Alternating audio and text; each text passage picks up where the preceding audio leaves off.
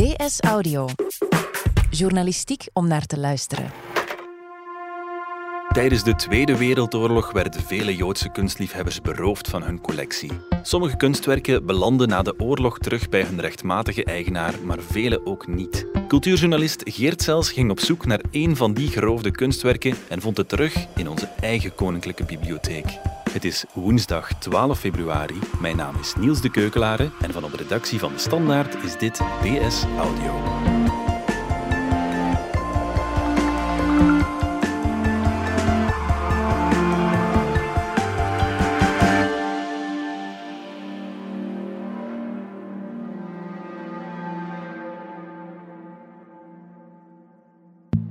Vorige week haalde de Standaard het nieuws.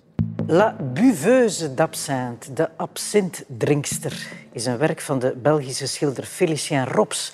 En het hangt in het prentenkabinet van de Koninklijke Albertina Bibliotheek in Brussel. De krantenstandaard heeft nu aan het licht gebracht dat het kunstwerk geroofd werd door de nazi's toen ze tijdens de Tweede Wereldoorlog kunst van Joodse families stalen en verkochten of onderbrachten in musea. Maar het Brusselse museum kocht het werk van Robs pas veel later. Geert Zels, cultuurjournalist, jij schreef het artikel dat het nieuws haalde. Nog eens alle feiten op een rijtje. Welk kunstwerk heb jij opgespoord? Ik heb een uh, aquarel gevonden, een aquarel van uh, Félicien Rops. En dat heet La Buveuse d'Absinthe. En de titel is helemaal wat het uitdrukt. Hm. Je ziet een heel elegante dame met een, een lang, uh, nauw aansluitend kleed hm. in een prachtig blauw. Ze staat geleund tegen een pilaar met rood-gele banen waarop een bordje staat van bal.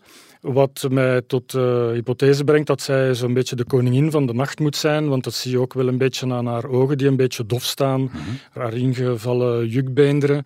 Dus volgens mij is ze eigenlijk zelfs een beetje tipsy. Ja, en jij ontdekte dus onlangs dat deze aquarel eigenlijk nazi-roofkunst is. Uh, wat is dat juist, roofkunst? Ja, roofkunst dat is een, een verzamelnaam voor alle kunstwerken die eigenlijk tegen de wil van de eigenaar ontvreemd zijn. Dat kan uh, zowel te maken hebben met nazi-roofkunst. Bijvoorbeeld inboedels van uh, Joodse mensen die tijdens de Tweede Wereldoorlog vanaf 1942 naar Auschwitz gebracht worden. En dan werden er verhuisfirma's ingeschakeld om die inboedels gaan leeg te halen. Dus, dus duidelijk roofkunst. Je kunt het ook opentrekken. Je kunt ook verwijzen naar nu, naar het Midden-Oosten conflict kunst die weggenomen wordt in Syrië en in Afghanistan en in Libanon bijvoorbeeld is even goed roofkunst. En als het dan ook nog gaat over terug de Tweede Wereldoorlog en de nazi-periode, dan spreken we ook van roofkunst als het echt gaat over een, een gedwongen verkoop. Dus echt tegen de wil en tegen de intentie van de eigenaar. Ja. La Buveuse d'Absinthe van Félicien Rops. Hoe is dat zo'n geroofd kunstwerk geworden? Dat kunstwerk, die aquarel, was in een eigendom van een Franse Joodse advocaat. En het is tegen de wil van de familie geveild. Dus we kunnen hier spreken van een vente forcé, een gedwongen verkoop en dus roofkunst. Ja, vertel eens, wie was die advocaat en hoe is dat precies gegaan? Armand Dorville was een advocaat en die woonde in Parijs. Al snel na de bezetting door de nazi's in de zomer van uh, 1940 hm. is hij al naar veiliger orde getrokken, godzijdank had hij een mooi optrekje. Hij had een kasteel in de Dordogne. Hij is daar met heel zijn kunstcollectie naartoe gegaan. Maar in 1941 overlijdt hij al. 1941 is ook het jaar dat het eh, Vichy-regime een uh, wet aanneemt op aangeven van de Duitsers om zoveel mogelijk de Franse economie arisch te maken en ontdoen van de Joodse invloeden. Ja. Het gevolg daarvan is dat heel die erfenis van de familie Dorville aan hun neus voorbij ging. Ten hmm. eerste omdat al heel veel familieleden gedeporteerd waren en naar Auschwitz gebracht waren, maar ook omwille van die wet. Ze konden hun rechten niet meer doen gelden. Dan is er een Arische beheerder op die collectie gezet. Mhm. En die is dan op het lumineuze idee gekomen van laten we die nu eens gaan veilen. En dat is dan op een aantal spraakmakende veilingen in Nice in 1942 inderdaad ook gebeurd. Ja. Wat gebeurde er met de kunstwerken op die veiling? Ja, die zijn massaal aangeboden, maar ik moet ook zeggen dat die veiling bijzonder goed geprepareerd geweest is. Ten eerste is ze geanonimiseerd. Er mhm. wordt niet gezegd, dit is de collectie van meneer Dorville. Er wordt gezegd, dit is eh, la vente du cabinet d'un amateur parisien. Mm, Maar in de Franse kunstkringen en ook ver daarbuiten weet iedereen wel over wie het gaat. Als men ziet welk enorm pakket kunst daar aangeboden wordt, Heel de fine fleur van de, de Franse kunstgeschiedenis zit daarin. Delacroix, Fontaine, Latour, Doré, Daumier, Degas, Monet zitten er allemaal in.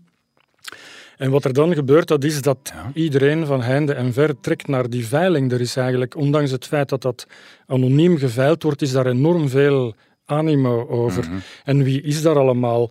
De Duitse kunstinkopers, de nazi's, die sturen hun bemiddelaars, hè, want die komen zelf niet graag in beeld, want wat zij dan zouden doen, namelijk roofkunst kopen, is illegaal. Dat weten zij ook wel. Dus zij sturen daar stroommannen op af. Verder zijn er... Uh, een aantal grote kunsthandelaars uit Frankrijk die daar uh, acte présence tekenen. En er zijn een paar grote musea, om maar eentje te noemen, het Louvre is daar zelf. Mhm. die sturen een hoofdconservator met een flinke, uh, een flink wat zakgeld. Ja, ja, dus op die manier geraken al die stukken op circuit. Een van de werken op die veiling is dan het werk van Félicien Rops. Wie kocht het werk? Dat weet ik eigenlijk niet. Daar zit er een, een, gat in de provenance. Hè. De, de provenance dat is de afwisseling van de, de opeenvolgende eigenaars, zeg maar. Mhm. We weten niet wie het daar gekocht heeft. Wat we wel weten, dat is dat het in de jaren 60 bij een, een Franse kunsthandelaar terechtkomt. En daar is het dat de Koninklijke Bibliotheek het verworven heeft. Oké, ja. Geert, dit is niet de eerste keer dat jij bericht over een zaak van roofkunst. Hoe is deze op jou weggekomen? On the job zou ik zeggen. Want eh, eind 2013 bracht het Duitse magazine Focus plots het verhaal uit dat er een oude man van in de tachtig plots in München aangetroffen was met een collectie van 1500 kunstwerken. En die bleken afkomstig te zijn van zijn vader. En dat dat een heel notoire kunstinkoper was voor de nazi's. Mm. En op dat moment gingen in heel Europa alle alarmbellen af. Hmm. Iedereen wou natuurlijk weten zou er in die grote collectie die daar aangetroffen wordt, zou daar iets van ons land bij zitten. En dan zag ik de Nederlandse kranten daar verslag over doen, dat zij databanken gecheckt hadden en dat er vermoedens waren dat er iets uit Nederland bij was. Ja, ja, ja. Ik zag hetzelfde gebeuren in de Franse pers. Ik dacht van ja, dat is eigenlijk een, een geniaal idee, laat ik dat ook eens proberen. En dan kwam ik tot de onthutsende vaststelling dat er hier in België helemaal geen databanken waren om te checken. Hm. Databanken waar werken op staan die als vermist opgegeven werden tijdens een vlak na de Tweede Wereldoorlog.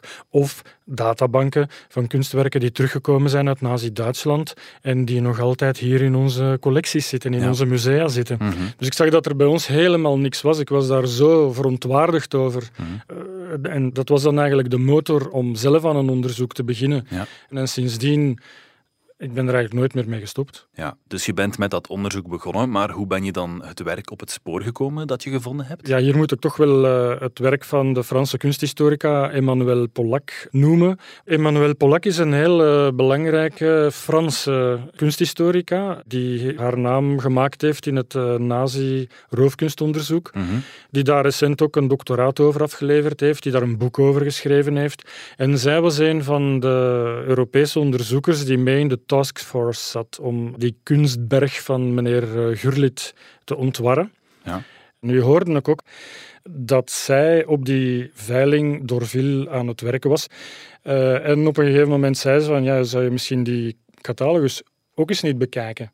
En toen kwam ik op een paar werken die origine van bij ons hebben. Bijvoorbeeld een, een schilderij van Jan Wenigs, Alfred Verwey, Gilles Klaas Hondekoeter. Mhm. Maar zeg nu zelf, als je daar Robs tegenover zet, dat is toch veel sexier. Dus ik dacht van, ja, ik wil wel eens kijken of, of, of we hier een spoor van vinden. Mhm. En soms gebeurt het wel eens dat een schilderij of een kunstwerk de, de weg naar zijn herkomst terugvindt. Omdat ja, hier heeft het grote patrimoniumwaarde is het zeer gegeerd. Ja, ja. En dat bleek ook zo te zijn. Ja, maar hoe ging je zoektocht dan concreet in zijn werk? Wel, daar is eerst een digitale veldverkenning aan vooraf gegaan. Hm. Er is een heel handige website van de Vlaamse kunstcollectie waar tal van collecties samen opstaan, kwam ik heel wat rops tegen, voornamelijk in het Museum voor Schone Kunsten van Gent, ah, maar La Buveuse zat er niet bij. Mhm. Eh, het Museum voor Schone Kunsten van Brussel, die hebben heel hun collectie online staan, maar daar zat zij ook niet bij. En dacht ik van ja, oké, als er nu één plek is waar ze heel veel werk op papier hebben, dan is het, dan is het de Koninklijke Bibliotheek in Brussel.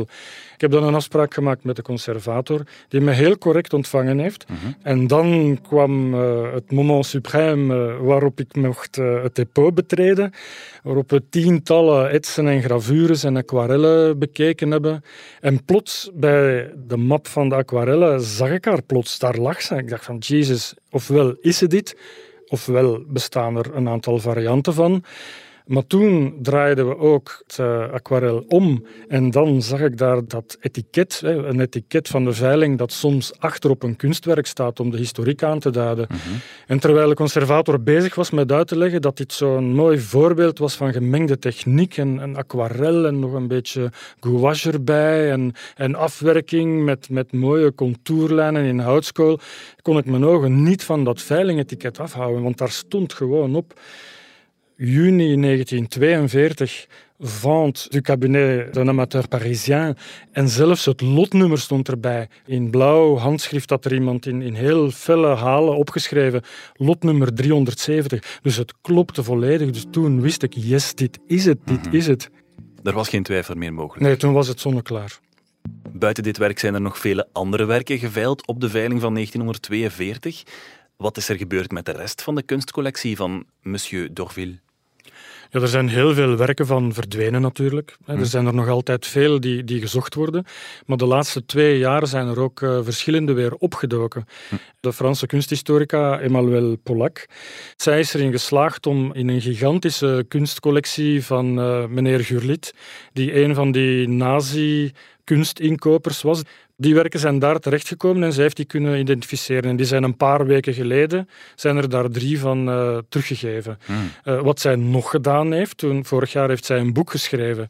Naar aanleiding daarvan heeft zij een tentoonstelling gemaakt in de Memorial de la Shoah in Parijs. Zij is toen op het idee gekomen, we gaan drie werken lenen van het Louvre. Want die conservator van het Louvre, die werken die die kocht op die veiling, die zitten nog altijd in de collectie van het Louvre.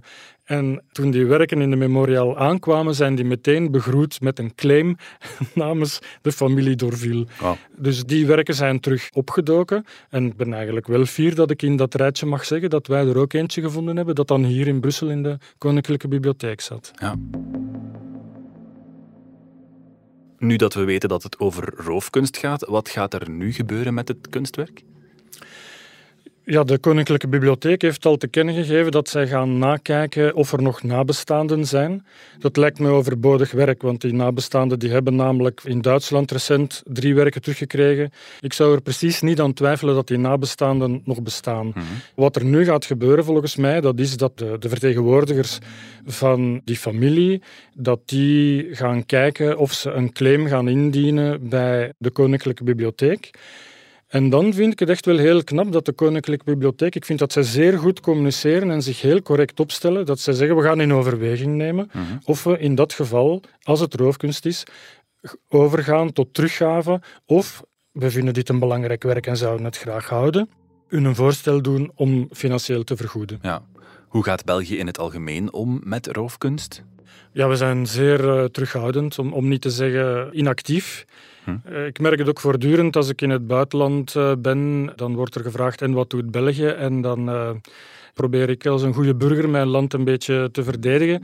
Maar het is eigenlijk echt onthutsend hoe weinig er gebeurt. We lopen op alle fronten achter. Dus als je kijkt naar, naar Frankrijk bijvoorbeeld, waar de werken die teruggekomen zijn uit Nazi-Duitsland, dat die in de musea bewaard worden, ten voorlopige titel totdat er zich iemand meldt van de mogelijke rechthebbende die dat kan Mhm. aantonen. Dus daar hebben ze bijvoorbeeld een databank van, hè, waar, Ja. waar je dat allemaal kan checken. Ook Nederland heeft zo'n databank van werken die eigenlijk in bewaring zijn. In Nederland zijn ze zelfs zo ver gegaan dat ze alle landelijke musea gevraagd hebben om hun collecties volledig te screenen en te kijken of er werken zijn waar in de provenance tussen 1933 en 1945 waar er gaten zijn. En ook daar is daar weer een, wet, een uh, website van gemaakt. Mhm. Er zijn in Frankrijk en in Nederland zijn er zelfs tentoonstellingen opgezet, reizende tentoonstellingen die tot in Jeruzalem gegaan zijn, met als titel À qui appartient ce tableau? Hè? Aan wie behoort dit schilderij? Toe, om Mhm. er toch maar zoveel mogelijk ruchtbaarheid aan te geven dat mogelijke rechtmatige eigenaars het kunnen zien. Ja, Want ja. vaak weten ze het ook niet meer. Oké, ik onthoud vooral dat het tijd wordt voor België om daar dan actie in te ondernemen. De hoogste tijd. Oké, Geert Zels, dankjewel. Zeer graag. Dit was DS Audio. Wil je reageren? Dat kan via dsaudio.standaard.be. In deze aflevering hoorde je Geert Zels en mezelf Niels de Keukelare. De redactie gebeurde door Robbe Klaas, de eindredactie door Annelies van der Roost en Anna Korterink.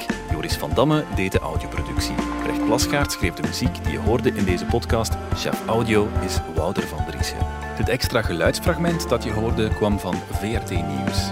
Vond je deze podcast interessant? Weet dan dat je er elke werkdag één kunt beluisteren. Dat kan via de DS Nieuws app of via standaard.be-audio. Je kunt je ook abonneren via Apple Podcast, Spotify of de podcast-app van je keuze.